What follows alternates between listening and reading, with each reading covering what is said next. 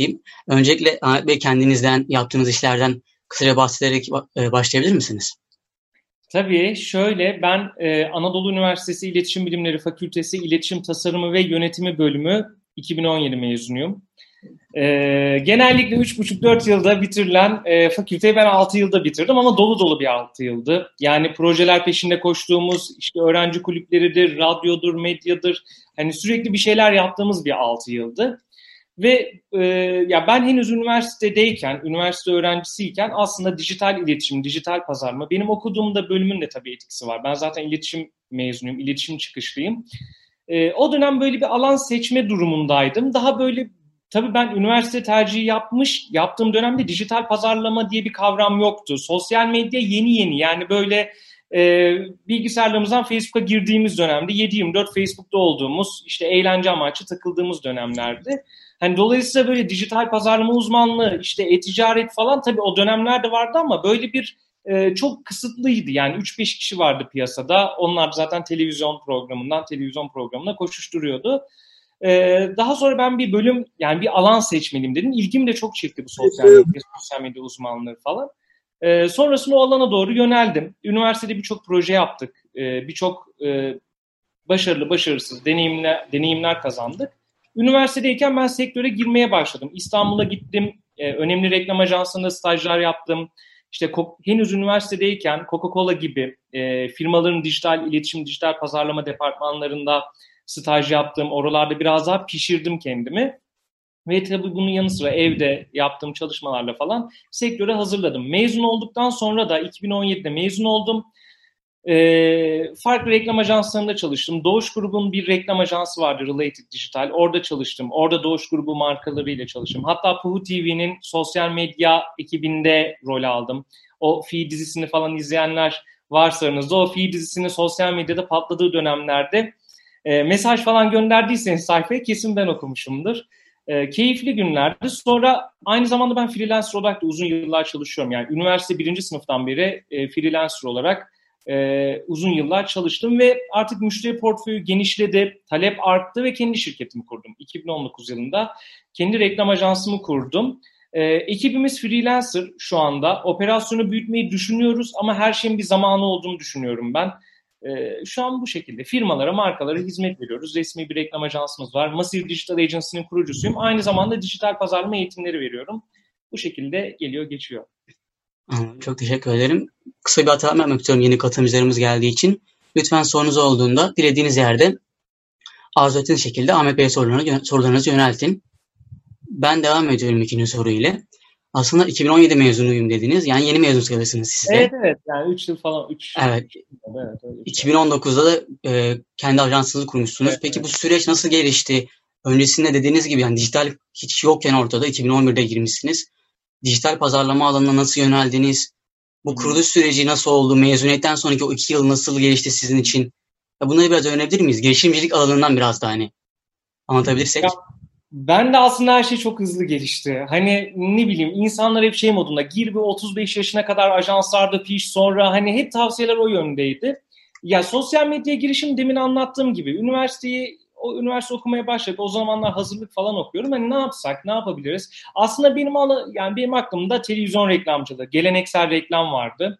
Onunla ilgili çok kitaplar okuyordum. O dönemler böyle hazırlık öğrencisi zaten. Piyasayı hiç kimseyi tanımıyoruz, etmiyoruz falan. Ee, sonra baktım sosyal medya çok ilgimi çekti. Benim metin yazarlığım e, fena değildir. Yani aslında metin yazarı olarak başladım ben. Sosyal medyada metin yazarlığı, fikir üretme. Sonrasında sosyal medyada reklam verilebildiğini öğrendim. Yine öğrencilik yıllarımda. Sonra kafayı kırdım. Yani burada reklam verilebiliyorsa e, ben de film yani çalıştığım firmalar için reklam verebilirim. Gibi tabii o zamanlar böyle Türkçe kaynak yok. E, böyle mesela ne bileyim e, eğitmenler yok. Gerçekten kimse yok. Piyasa bomboş. Yani televizyona çıkan işte Serdar Kuzuloğlu gibi e, insanları görüyorsunuz. Onun dışında sektörde kimse yok e, öğrenebileceğiniz birisi yok. Hep Türkçe içerik dediğim gibi hiç yok ve yani daha çok yabancı içerikler çok fazla YouTube tarafında falan. Hani oradan biraz da hazırlıktayız, hazırlık İngilizcesi falan. Hani öğrenip, dinleyip, e, işte uygulayıp o dönemler projeler yaptık. O projeler sayesinde ben sponsorlu reklamlar çıktım. İşin derinini öğrendim. Ya ben de aslında olay deneme yanılma, deneme yanılma, deneme yanılma şeklindeydi. E, bir de iletişim mezunuyum zaten. İletişim fakültesindeyim. Aslında iletişim ve pazarlama benim e, alanım da bu. İşin içine deneme yanılma ve reklam ajanslarında stajlar, projeler girince kendimi bu anlamda geliştirdim. Ve freelance olarak devam ettiğim için burada bir müşteri portföyüm oluştu. Tabii öğrencilik yıllarında yaptığımız işler işte bir kafenin çok düşük ücretle sosyal medyasını yönetmekten iş artık bir süre sonra kendi şirketimi acaba kursam nasıl olur falan noktasına geldi. Ee, ya çok hızlı gelişti. Her şey benim için de hızlı gelişti ama böylesi bence daha iyi oldu. Ee, yani ne bileyim bu şekilde. Anladım. Çok teşekkür ederim. Peki yani şu anda kendi ekibiniz var sonuçta değil mi çalışan olarak? Evet, ekip, evet. Ek, ekip arasındaki ilişki, ekibiniz kaç kişiden oluşuyor? Nasıl hizmet veriyorsunuz? Yani alt üst ilişkisi var mı? Bu konuları da biraz öğrenebilir miyiz? Yani şimdi şöyle bizim ekip 5 kişiden oluşuyor ama proje bazlı olarak artabiliyor. Ekip tamamen freelancer ve zaten ekip şöyle e, benim üniversite yıllarından birlikte projeler yaptığımız arkadaşlarımdan aslında oluşuyor. Tabii herkes bu arada alanında uzman. Yani mesela iki arkadaşımın yine kendi e, bu anlamda şahıs firmaları var. Yine bu anlamda işte yazılımcı e, ekibimizdeki yazılımcı arkadaşımız, arkadaşımız aynı şekilde. Reklam tarafına bakan yine e, çok sevdiğim bir arkadaşım var. Birlikte çalışıyoruz. Tasarımcımız var. E, metin yazarımız var. Video maker'ımız var. Video çalışmalarını yapan. Yani ast üst ilişkisinden ziyade hepimiz zaten aynı yaşlardayız. Hepimiz zaten bu işte uzmanız. Ya bence güven olayı çok önemli. Birlikte güvenmek ve yani sizinle aynı şekilde düşünen yani nasıl diyeyim hayata aynı açılardan bakan sektörel anlamda söylüyorum. Kişilerle birlikte olmak önemli. E, ve bu, bu kişiler de işlerini iyi bir şekilde yapıyor. Herkes işini yapıyor. İşini en iyi şekilde yapmaya çalışıyor. Ve her şey gayet güzel bir şekilde gidiyor.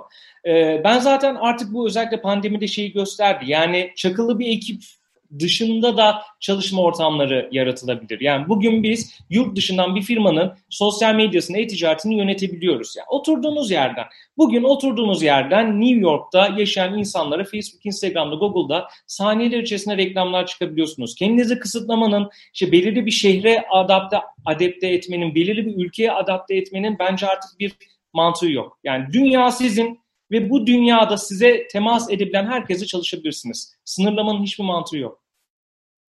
Tamam çok teşekkür ederim. Arkadaşlar sorusu olan var mı? Devam ediyorum yoksa ben. Sanırım şu anda yok. Devam ediyorum. Yani, tabii ki şu an bizden yeni mezun öğrencilerden oluşuyoruz. Sektöre atılmaya çalışıyoruz. Kimimiz kendi oluşumunu kurmaya çalışıyor.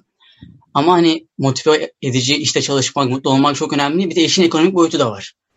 Doğru. Siz bu ekonomik boyutu nasıl yönettiniz? İki yıl mezuniyetten sonra ajans kurulana kadar ki o süreç nasıl ilerledi? Ya da şu an en azından mesela nasıl ilerliyor? Şimdi şöyle söyleyeyim. E, ajanslar, firmalar, tabii ben kendi sektörüm için söylüyorum ama diğer sektörlerde de durumun farklı olduğunu düşünmüyorum. E, işverenler şuna bakıyor. Üniversitede ne yaptın? Yani ben hani Anadolu Üniversitesi İletişim Fakültesini kazandığımda işte şöyle iyi, şu an için söyleyeyim ama o dönem için iyi bir üniversiteydi, iyi bir fakülteydi. Şu anda gerçi bilmiyorum yani bilmediğim için bir şey diyemiyorum. Ama üniversitede aldığınız puanlar, e, işte yüksek puanlar, girdiğiniz dersler vesaire yani uygulama anlamında size çok bir şey katmıyor açık konuşmak gerekirse. Tamam teorik olarak öğrendikleriniz tabii ki yanınıza kar kalıyor. Bunları tabii ki de uygulayabilirsiniz ama ya işveren kişi şuna bakıyor. Sen ne yaptın? Tamam üniversitelerde bu derslere girdin çıktın, AA aldın, 100 aldın, 90 aldın ama sen ne yaptın? Sosyal medya uzmanı mı olmak istiyorsun? Sen sosyal medya tarafında ne yapabilirsin? Yazılımcı mısın? Yazılım tarafında bugüne kadar neler yaptın? Yani sizden şey istemiyorlar tutup da e, Facebook'u yazmanızı istemiyorlar ya da çok mu- muhteşem bir proje yazamazsınız. Ama en uzun en azından işin ucundan tuttun mu? E, sen neler yaptın? Yani bir portfolyo görmek istiyorlar. Sıfırdan gittiğinizde tabii iki tarafında beklentisi bu anlamda biraz hayal kırıklığına dönüşüyor. Ve bu anlamda ben üniversitede çok şey çok iş yapmıştım. Yani e, iş başvurularına gittiğim zaman şaşırıyorlardı. Yani bu kadar işi hangi ara yaptın? E, nasıl öğrendin? Ee, biraz bu işe şevk ve merak meselesi. Ben ona bağlıyorum. Yani para falan değil. Ha, üniversitede para kazanmak ek işlerle çok güzel bir şey. Cebinizde paranızın olması, istediğinizi yapabilmek ve tamamen kendi kazandığınız parayla. Bunlar çok güzel şeyler ama iş paradan da ziyade merak. Yani bunu nasıl yapabilirim? O yapıyorsa ben neden yapamıyorum? Ee, biraz bu e, olaylar aslında ve sonra açık konuşmak gerekirse Türkiye'de bir ekonomik kriz var ve maalesef herkes iş bulamıyor. Yani böyle bir ortam ve şirketlerin durumu da kötü. Yani e, şirketler size böyle yeni mezun birine bol miktarda e, maaş verebilecek bir durumda değil. Gerçekten işte e, turizm sektörü bitti bir yeni başladı. Yani her şey böyle bir ip üstünde yürüyor. Dolayısıyla sizin burada neler bildiğiniz, kendinizi ne kadar geliştirdiğiniz çok önemli. Yani burada ne biliyorsunuz? Tamam üniversiteden mezun oldum. Güzel. Bilgi Üniversitesi, Anadolu Üniversitesi, Boğaziçi bilmem ne. Bunun sonucunda bu başvurduğun iş ilanı bir iş ilanına başvuruyorsunuz ya siz burada bugüne kadar ne yaptınız? Hangi firmalarda staj yaptınız? Bunlar çok önemli mesela. E, yani bu, şekilde. Çok teşekkür ederim. Aslında yani dediğiniz gibi mesela Bilgi Üniversitesi reklamcılık öğrencisiyim ben de. Dördüncü sınıfa geldim. Yani bu zamana kadar çok pazarlama ders aldık ama dijital pazarlama dersi hiç almadık. Hı hı. Yani dijital pazarlama şu anda çok revaçta olan bir konu aslında. Hatta bütün markalar buna kaydı. Bu dönemde daha da etkisini fark ettiler. Ama biz bunun dersini almadan aslında neredeyse mezun oluyoruz. Hı hı. Sizin döneminizde daha da herhalde büyük ihtimalle dediğiniz gibi daha yeni gelişmekte olduğu için siz bu konuda bize yani ne önerebilirsiniz? Dijital pazarlama alanında şu an mesela siz e, ne hizmetler veriyorsunuz markalara? Ya biz markalara e, sosyal medya yönetimi, e, sosyal medya reklam yönetimi, Facebook, Instagram ve diğer tüm mecralarda, Google reklam yönetimi yapıyoruz. Google Analytics, Google X Performans reklam yönetimi, web sitesi, grafik tasarımlar aslında başlıca işler bunlar. Yani herkesin de e, vakıf olduğu konular bunlar. Ama tabii burada markalara özel strateji üretmek ve bunu uygulayabilmek mesele. Yani belki herkes reklam verebilir ama bu işte işi bağlamak yani markayla gidip anlaşmak, bu işi bağlamak ve çalışmaya başlamak ve uygulanabilir e, fikirler üretmek önemli. Yani ben mesela üniversitedeyken çok uçuk fikirlerim vardı benim. İşte tamam Facebook'u kuramazdık ama yani gerçekten şunu şöyle yapsak nasıl olur böyle bir hani hayale dalıp yani şöyle yapabilir misin çok uçuk fikirlerim vardı. Sektöre girince fikirden ziyade uygulamanın daha önemli olduğunu gördüm. Yani biz bu fikirleri atıyoruz ama buna kim yatırım yapacak? Yani e, bunu kim uygulamaya sokacak ve kim yönetecek? Yani burada bir de şey olayı var. Yani herkes dijital pazarlama uzmanı Evet yani bir sektörde de ama burada sizin iletişim beceriniz de önemli. Yani siz bir işi çok iyi biliyor olabilirsiniz. E, yanınızda bir kişi vardır. O kişi o işe sizin kadar vakıf olmayabilir. Ama o kişinin iletişim ve pazarlama yeteneği sizden daha yüksekse o işi bağlayabilir. Siz bağlayamazsınız. İşte burada biraz şey olayı gibi. Yani İngilizceyi bilmekle İngilizceyi öğretmek farklı şeydir. İngilizce öğretmenliği farklıdır. İngilizceyi çok iyi bilmek farklıdır. Çünkü öğretmek e, biraz ya ben biraz daha buna benzetiyorum. Yani tamam bilmeniz gerekiyor. Bu arada bilgi olmadan hiçbir şey olmuyor onu söyleyeyim. Yani bilmeden öyle atıp tutarak e, biraz çekirge olayı gibi bir sıçrayıp iki sıçrayıp üçüncüye e, bittiğiniz durum. Bilgiyi bilip bunu kullanabilmek ve o iletişim becerileriyle işi bağlayabilmek noktası bence önemli. E, ve ben de aslında ben hiç risk almadım. Risk almadan kendi şirketimi kurdum ve iyi ki kurmuşum diyorum. Bir yılı dolacak Eylül'de. E, o güne kadar da ama ben işte çok freelancer olarak çalıştım. Türkiye'de, yurt dışında bir sürü firmayla çalıştım freelancer olarak.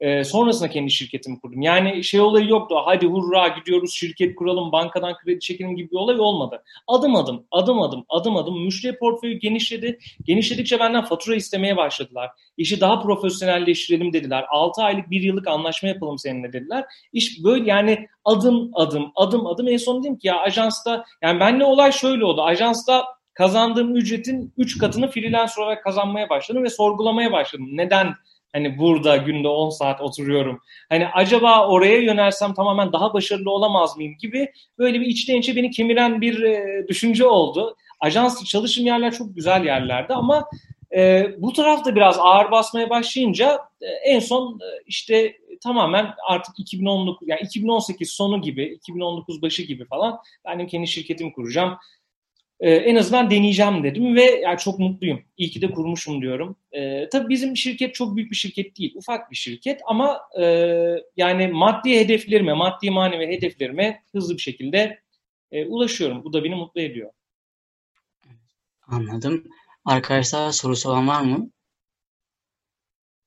Şu an yok sanırım. Ben devam ediyorum. Hı hı. Şunu da merak ediyorum aslında hani profilinizi incelediğimiz zaman eğitmenlik veriyorsunuz birebir. Aynı zamanda bir dijital ajans sahibisiniz. Aynı zamanda blogunuz var. Bu süreci nasıl yönetiyorsunuz? Yani bu motivasyon gerektiren ve hani öyle olduğunu düşünüyorum en azından. Evet. Ve güçlü olmanızı gerektiren bir şey olduğunu düşünüyorum. Bunu nasıl yönetiyorsunuz? Ya şimdi aslında ben size şeyi anlatayım. Ben şimdi buradan yaklaşık bir buçuk iki yıl önce reklam ajansına çalışan bir normal e, beyaz yakalıydım. E, bilgim var ama bu bilgiyi insanlara göstermek gerekiyor. Tabii freelance işler falan geliyor ama e, yani daha fazla acaba kendimi ön plana çıkarmaz mıyım diye düşünmeye başladım. Ne yapayım ne yapayım? Bu medium.com'da benim bazı yazılarım vardı. Şu an onları kaldırdım da kendi web siteme taşıdım. Ee, birkaç tane yazı yazdım. LinkedIn reklamcılığı ile ilgili. O dönemde ajansta çalışıyoruz. Yoğun bir dönem var. Sürekli telefonum çalıyor. Ya işte Ahmet Bey, Link ben işte bilmem ne şirketinin genel müdürüyüm. LinkedIn'de bir kampanya ile ilgili bir yazı yazmışsınız. Sizden başka da bu konuyla ilgili bir yazı kaleme alan yok. LinkedIn tarafıyla sizinle çalışabilir miyiz gibi telefonlarım çalmaya başladı. Sadece bir, birkaç tane yazıyla. Ee, sonrasında yani orada bir SEO'nun etkisi oldu. İnsanlar LinkedIn reklamcılığı ilgili bir şey arıyor. Reklam falan vermiyorum. Google'da benim yazım en üst sırada çıkıyor. Tıklıyorlar. Orada telefon numaramı yazmışım. Beni arıyorlar. Ya dedim ki bu ben bir blog açayım. Bildiğim her şeyi bloğa yazayım. Bu SEO'nun etkisiyle biraz daha yükseltir beni ve telefonlarım daha fazla çalar. Giderim ben bunlarla görüşürüm. E, iş alırım. O şekilde ilerleyebilir miyim gibi bir düşünce oldu. Sonra blog açma kararı, kararı aldım.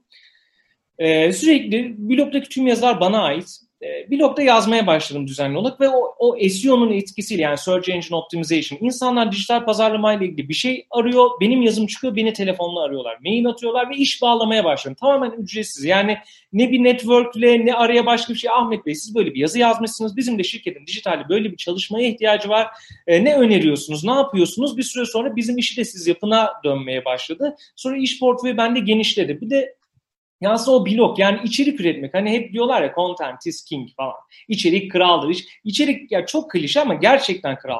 Siz bir içerik ürettiğiniz zaman insanlar onu bir yerde buluyor. Facebook'ta buluyor, Instagram'da buluyor, Google'da buluyor. Özellikle YouTube şu an çok inanılmaz yavaş durumda. Yani ben zaman bulamıyorum YouTube'da içerik üretmeye de ilerleyen yıllarda farklı projelerim olacak YouTube'da ilgili. Ama şu sıra çok e, vakit bulamıyorum. YouTube mesela çok önemli. İnsanlar Google'da bir şey arıyor. Sizin uzmanlık alanınız neyse. Bu arada dijital pazarlama uzmanı olmak zorunda da değilsiniz. Uzmanlık alanınız neyse internette onun olması gerekiyor. İnsanlar sizi buluyor ve çalışmaya başlıyorsunuz. Yani hiçbir yere ödeme yapmadan, hiçbir araya kimseyi sokmadan ve ben aslında böyle adım adım biraz da böyle büyüdüm. Birine iş yaptım, adam beğendi. Kendi müşterisine pasladı beni. Oradan iş geldi, o beğendi. Üç kişi de o getirdi. Ve benim bizim çalıştığımız firma hatta benim yani freelancer olduğum dönemden hala çalıştığım ve üç yıldır çalıştığımız firmalar falan var. Yani artık ben şirket kurdum. işte teklifleri yükselttik. işte ekip olarak çalışmaya başladık. Hala bizimle çalışıyorlar. İşte burada biraz şey işi bilmek, müşteriyi mutlu etmek, iletişimi doğru kurgulamak aslında burada yapılan şeyler bunlar. Yani içerik üretmeniz lazım. Bugün mesela Duygu Özaslan'a, Enes Batur'a, işte ne bileyim e, Damla Bilic'e falan çok yoğun bir tepki var sosyal medyada. Ama bu çocuk 12 yaşında video içerik üretiyordu sen yoktun. Yani işte bu kız ben burada sevdiğimden, savunduğumdan, izlediğimden de fanı olduğumdan değil. Ya bu işte Duygu Özaslan 7 sene önce makyaj videosu çekiyordu ki o zaman YouTube para ödemiyordu şeylere. Yani YouTuber'lara para... YouTuber'lık diye bir kavram yoktu. İçerik üretiyorlardı. Yani e, burada içerik üretmek, bir şey üretmek lazım. E, burada aslında ben de içerik üretmenin ekmeğini yedim. Blog sayesinde. E, müşteri portföyüm genişledi, marka bilinirliğim arttı. Yani bundan bir buçuk yıl önce Ahmet Balat dediğinizde yakın çevrem dışında kimse beni tanımıyordu. Şu an Ahmet Balat dediğimde direkt blog yazısı çıkıyor, bilmem ne yapıyor. Ve ben Analytics'ten verilere bakıyorum direct giriş trafiği çok yüksek. Yani direct giriş trafiği dediğimiz şu. İnsanlar artık dijital pazarlama ile ilgili bir şey ararken direkt www.ahmetbalat.com'a giriyor. Google'da arat yani Google'da da aratanlar tabii ki var da bu oran her geçen ay artıyor. Yani demek ki Ahmet Balat ismini ben yavaş yavaş insanlara e, anlatmaya başlamışım ve burada tamamen blok yazısı. Ben yeni sponsorlu reklamlar çıkmaya başladım. Yani 6 aydır falan sponsorlu reklamlar çıkıyorum. Para kazandıkça harcamaya başlıyorum. Aslında olay bu. Bugüne kadar tamamen içerik üretmek. Olay buydu. Ve bilmek tabii bilmek çok önemli. Bilmeden olmaz. İşi bilip bunu insanları göstermek. Anladım. Çok teşekkür ederim. Arkadaşlar sohbetimiz devam ediyor. Dediğim gibi lütfen sorunuz olduğunda dilediğiniz şekilde katılarak sorularınızı sorun. Benim bir sorum olacak. Tabii ki. Tabii. Öncelikle merhaba Ahmet Bey. Merhaba. Ay muhtemelen kantinde denk gelmişizdir. Çünkü ben de Anadolu Üniversitesi İletişim Fakültesinden mezun oldum. Ne zaman?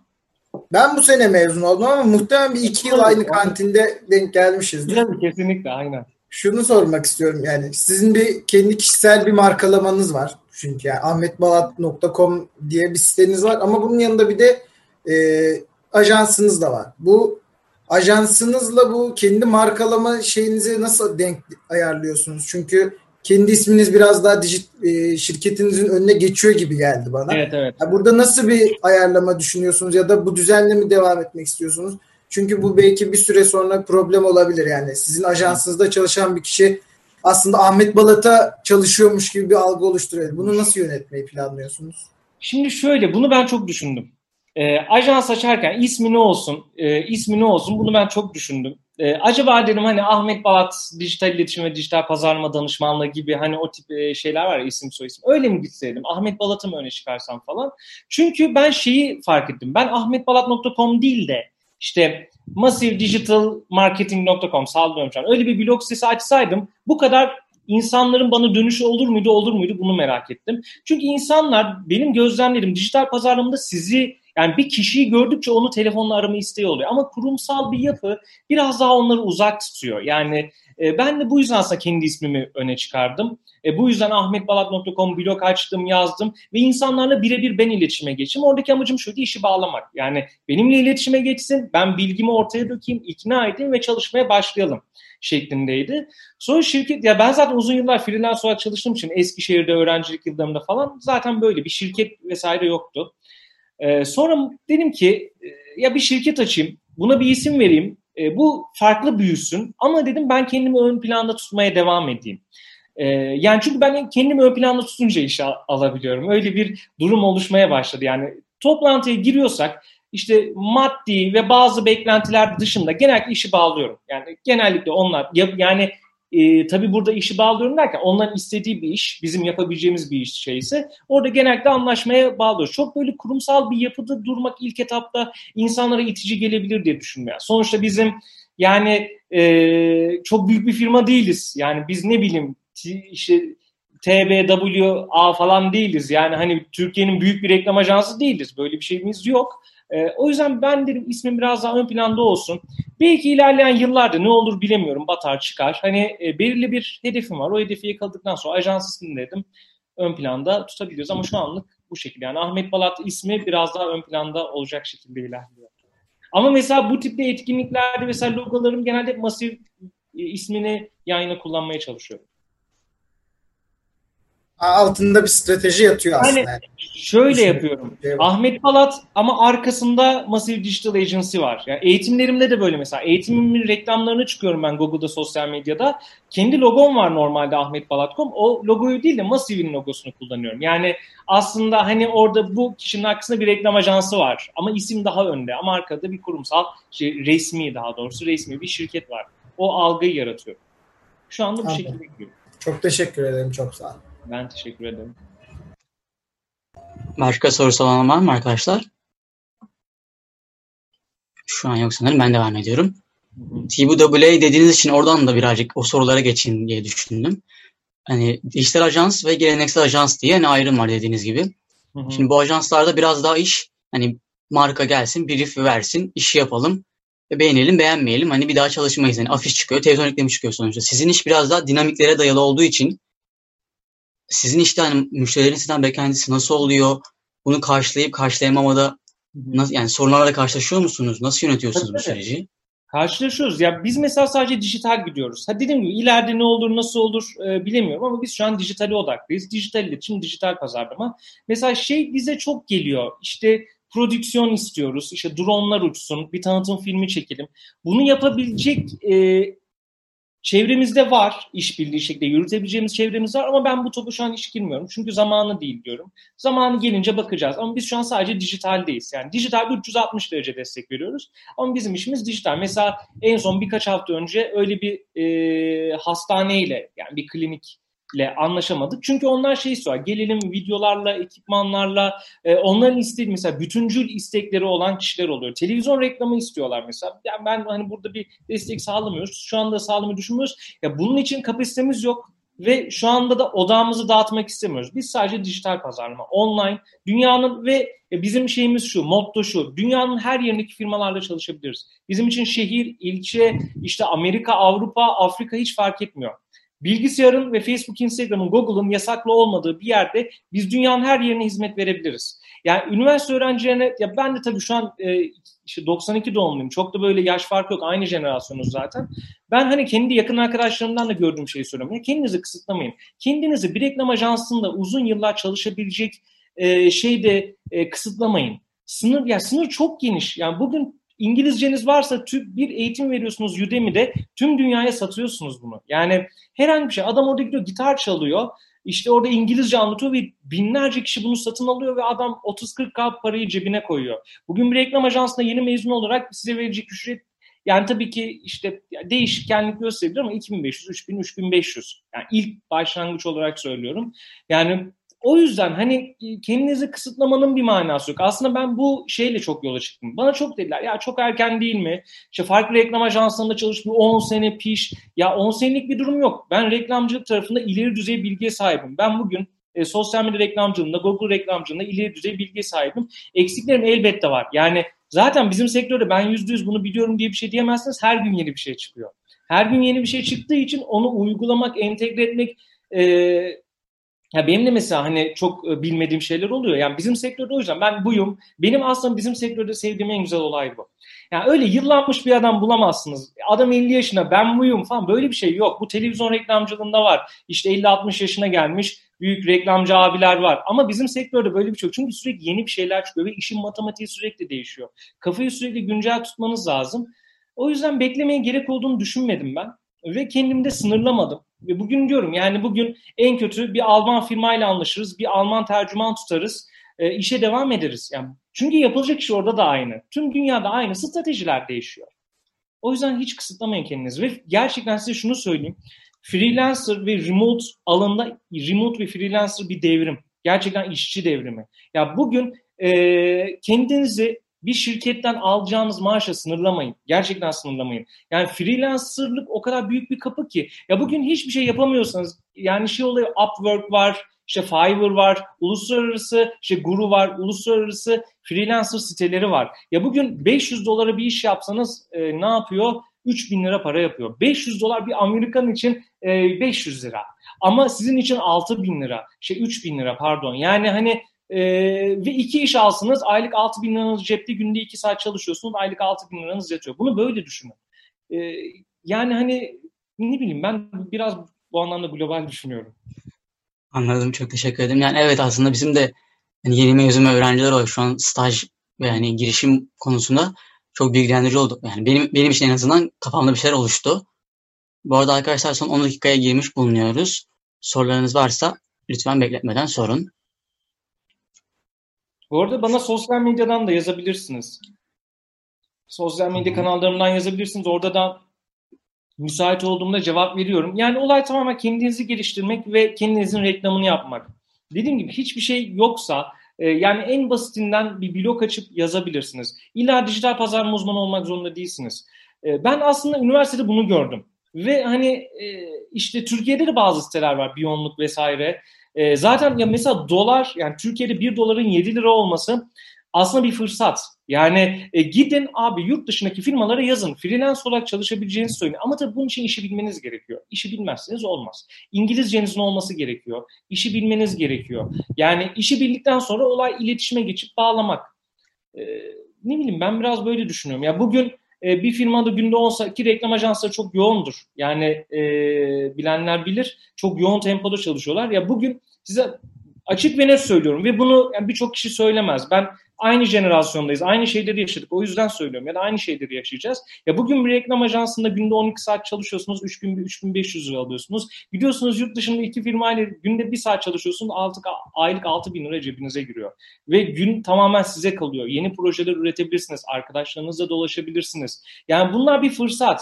Yani üniversiteler biraz daha insanları şeye hazırlıyor. Ben ne bileyim yani çok da tabii isim de vermeyeyim ama Yani bir işte ne bileyim bir şirkette işçi. Sen işte çalış burada. Aylık 3 bin liranın cebine koy ömür boyu. Yani artık hayat değişiyor. Artık dijitalin etkisiyle. Bugün hani küçümsediğim için söylemiyorum. Yanlış anlamayın. Bir ev hanımı e, kendi e-ticaret sitesini oluşturuyor ve aylık 30-40k gelire sahip oluyor. Bunlar şaka değil. Ya yani bunların birçok örneği var. İşte TG Maxx vesaire buna başarı hikayeleri olarak paylaşıyor. Trendyol'dan ufak bir mağaza açıyor ve hayatında kazanamayacağı parayı 6 ayda kazanıyor mesela. Bunlar hani başarı hikayesi. O yüzden dediğim gibi çok kısıtlamamak lazım. Gelişmek lazım. Okumak lazım ve pazarlamak lazım. Ya bugün internet her şey bilgisayarda, telefonda. Yani e, ne bileyim. Merhaba Ahmet Merhabalar. Bey. Hoş geldiniz. Ee, benim sorum olacak. Tabii. Ben de e, yeni yeni Upwork'te e, bir şeyler kovalamaya başladım. E, yeni bir freelance freelancer'ın e, iş alabilmesi için neler yapması lazım? Çünkü zor bir süreç. E, nasıl bir portfolyo oluşturması gerekiyor ya da izlemesi gereken e, ilk üç sıra ne olmalı? Ya da beş. Hı hı, güzel soru. Çok güzel soru. Ben de freelancerlıktan geldim. E, hatta bizim ekip yine freelancer. Şimdi ben şöyle başladım. E, öncelikle tabii biz üniversite yıllarımı çok saymıyorum da e, işte bir sitelerde profil oluşturuyorsunuz. Siz şimdi sitelerde profil oluşturduğunuzda rakipleriniz var ve e, adam orada 300 tane proje yapmış. E, siz yeni giriyorsunuz oraya yani küçücüksünüz. Hani bir kişi çalışmak istese o adamlarla çalışmak istiyor. Sizinle çalışmak istemiyor. Öncelikle bir freelancer siteye kaydolduğunuzda benim tavsiyem ufak bütçelerle iş yapıp yıldız almak, puan almak. Yani buradaki ufak bütçeden kastım bu.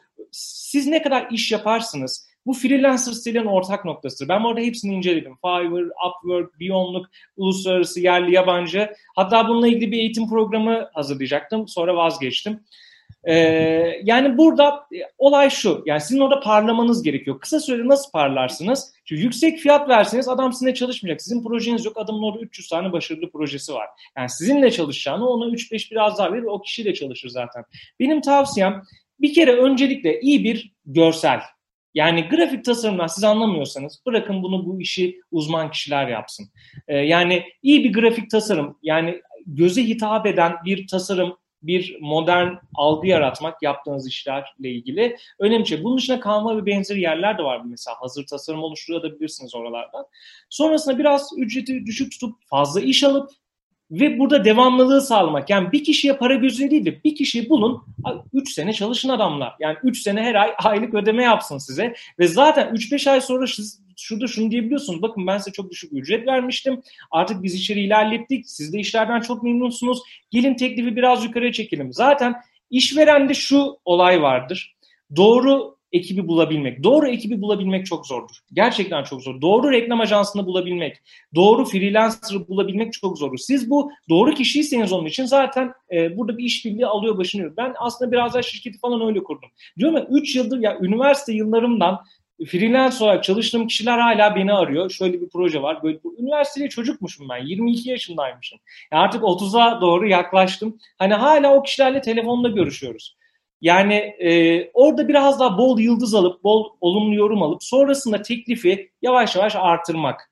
Yavaş yavaş çünkü artık e, portföyünüz büyüyor. Ve insanlar şeyi görmeyi çok istiyor. Ben mesela sosyal medya yönetiyorum. Adam da sosyal medya uzmanı arıyor. Kaliteyi ucuza arıyor. E, o bizim zaten kalite hiçbir, hiçbir zaman ucuz olmaz da arıyor işte. Adam diyor ki ya sen ne yaptın bugüne kadar sosyal medya tarafında? Bana yaptığın işi göster. Sağlık alanında bir firmayla çalıştın mı? Eğitim alanında bir firmayla bir yazılım e, üretti mi? Bir dijital reklam İşte yaptığınız tüm işleri bu kişiye sunmanız gerekiyor. O yüzden portfolyonuz ne kadar kuvvetliyse iş alma ihtimaliniz o kadar çok oluyor. Bu yüzden portfolyo hızlı bir şekilde e, kuvvetli bir hale getirmeniz gerekiyor. Bu da biraz freelancer sitelerde biraz düşük yapıp portfolyoyu kabartıp sonra teklifi yavaş yavaş artık profesyonel noktalara çekmek. Çünkü dediğim gibi diğer türlü adamlarda 300 saniye işi var. Sizin hiç işiniz yok. Adam onunla çalışmak varken neden size para ödesin? Yani burada bu site ya bu sitelerin özelinde söylüyorum bu arada. Yani freelancer sitelerde söylüyorum bunu. Yerli yabancı. Peki çok teşekkürler. Çok sağ ol. Arkadaşlar etkinliğimizin son 3 dakikasına doğru yaklaşıyoruz. Son kısa bir soru varsa alabilirim yoksa yavaştan kapanışa doğru geçeceğiz. Sanırım yok. Bey sizin bize sorunuz var mı kapatmadan önce? Ee, benim size bir sorum yok. Ee, çok teşekkürler. Güzel bir etkinlik. Ee, katılımcılara falan da baktım ben. Onlar da gayet iyi. Yani bu tip projelerin artmasını ben umut ediyorum. Yani çünkü artık biliyorsunuz pandemi falan üniversitelerde yarı kapalı yarı açık. Yani biraz olay şeye döndü kendinizi kurtarmanız lazım. Bu benim için de geçerli. Yani aynı jenerasyon dediğim gibi ben böyle çıkıp da size böyle 50 yaşındaki bir adam gibi tavsiye verecek, öneri sunacak e, durumum yok. Yani kendimizi kurtarmamız lazım. Bu kendimizi kurtarma olayı bilmek, uygulamak ve pazarlamak. Bundan geçiyor. Yani dediğim gibi kendinizi İstanbul'da İstanbul Türkiye demek ayrı konu ama kendinizi İstanbul'da da sınırlamayın. Bir dünya var, okyanus var ve bunun için sahip olmanız gereken tek şey internete bağlanabilen bir bilgisayar. E, yani her şey aslında bundan ibaret. E, o yüzden çok böyle sınırlamamak lazım. Çok böyle kimse kimseye muhtaç değil. Hiçbirimiz, ben de dahil ki benim kendi resmi firmam da var. Hiçbir reklam ajansına muhtaç değiliz. Hiçbirimiz büyük büyük ajansların altında ezilmeye şey değiliz. Yani burada siz işi biliyorsanız, kendinizi pazarlıyorsanız hayal bile edemeyeceğiniz maddi manevi hedeflere ulaşabiliyorsunuz zaten. Benim hani söyleyeceğim bu konuda bu olur. Ee, yani bugün siz 50 yaşında bir şirketin genel müdürü, çok ciddi söylüyorum, 50 yaşında bir şirketin genel müdürü size e, bu şeyleri büyük ihtimalle anlatmayacaktır. Anlatsa kendi şirketi olurdu zaten. Hani burada kimse şey yapmak için söylemiyorum. Yani dediğim gibi böyle bir fırsat var ve bu fırsat çok dünya. Yani bugün diyorum ya yani Almanya'da bir şehirde bir firmayla çalışabilirsiniz. İşte ne bileyim Avrupa'nın, e, Amerika'nın herhangi bir yerinde çalışabilirsiniz. Açık bir okyanus sadece bilmeniz ve bunu uygulamanız gerekiyor. Aslında olay bundan ibaret. Bunun için de çok çalışmak lazım herhalde. Yapılacak çok iş var, çok proje var. Ee, benim de yapmak istediğim çok proje var. Yani e, blog falan dışında. Ee, bakalım. Ee, bir dakikadan da az bir süremiz kalmış. Bu arada bu kaydı ben de istiyorum. Ben de YouTube kanalımda yayınlayacağım. Tabii ki. İletiriz size de. Sosyal medyadan takip edebilirsiniz. Ee, sormak istedikleriniz varsa dilediğiniz zaman sorabilirsiniz. Ben çok Link, LinkedIn hesabınızdan da ulaşmıştık zaten size. Evet evet. Tamamdır. O zaman etkinliğimizin yavaş yavaş sonuna geldik. Katılım sağlayan arkadaşlarımıza çok teşekkürler. Ahmet Bey size de bizi kırmadınız. Deneyiminizi paylaştığınız için çok teşekkürler. Ben teşekkür ederim. Sohbette doyamadığımızı düşünüyorum. Umarım ya tekrardan başka bir... Onu söyleyeyim. Hani umarım...